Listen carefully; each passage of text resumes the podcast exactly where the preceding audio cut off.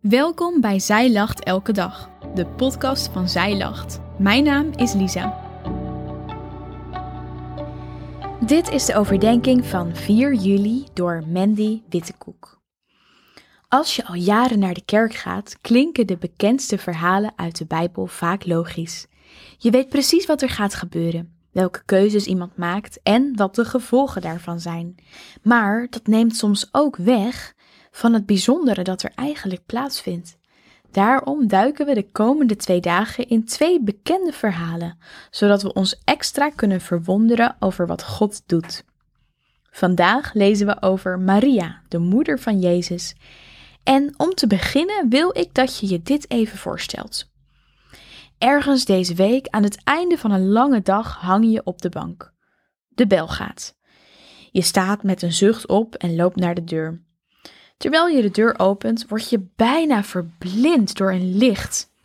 Je wendt je hoofd af, probeert scherp te stellen en dan zie je hem staan. Wat is dat? vraag je enigszins bang af. In Lucas 1, vers 30 tot 33 lezen we dit. En de engel zei tegen haar: Wees niet bevreesd, Maria, want u hebt genade gevonden bij God. En zie, u zult zwanger worden en een zoon baren, en u zult hem de naam Jezus geven. Hij zal groot zijn en de zoon van de Allerhoogste genoemd worden. En God, de Heere, zal hem de troon van zijn vader David geven. En hij zal over het huis van Jacob koning zijn tot in eeuwigheid. En aan zijn koninkrijk zal geen einde komen. Toen de engel Maria bezocht, was ze waarschijnlijk een meisje van rond de 15 jaar. Stel je eens even voor dat dit jou als tienermeisje overkomt. Maar wat is het antwoord van Maria? In Lucas 1, vers 38 lezen we het. Maria zei: Zie, de dienares van de Heere, laat met mij geschieden overeenkomstig uw woord. En de engel ging van haar weg. Maria is ongetrouwd. Het is echt ongehoord in de tijd van de Bijbel om dan zwanger te raken. Het is niet alleen een schande voor haarzelf, maar ook voor haar verloofde, Jozef, die daarop het recht heeft om de verloving te verbreken. En de vooruitzichten voor alleenstaande moeders waren niet bepaald goed. En toch is vers 38 Maria's antwoord. Er zijn zat mannen in de Bijbel die twijfelden wanneer God hen een opdracht of taak gaf. Mozes bedacht een mooi rijtje redenen waarom hij het volk niet kon bevrijden. En Jona liep gewoon de tegenovergestelde richting van Nineveh uit. Maar Maria, dat meisje van 15 jaar, zei niet. Geen spoortje van twijfel. Ze zegt: Laat met mij geschieden. Met haar antwoord maakt zij het grootste verschil ooit.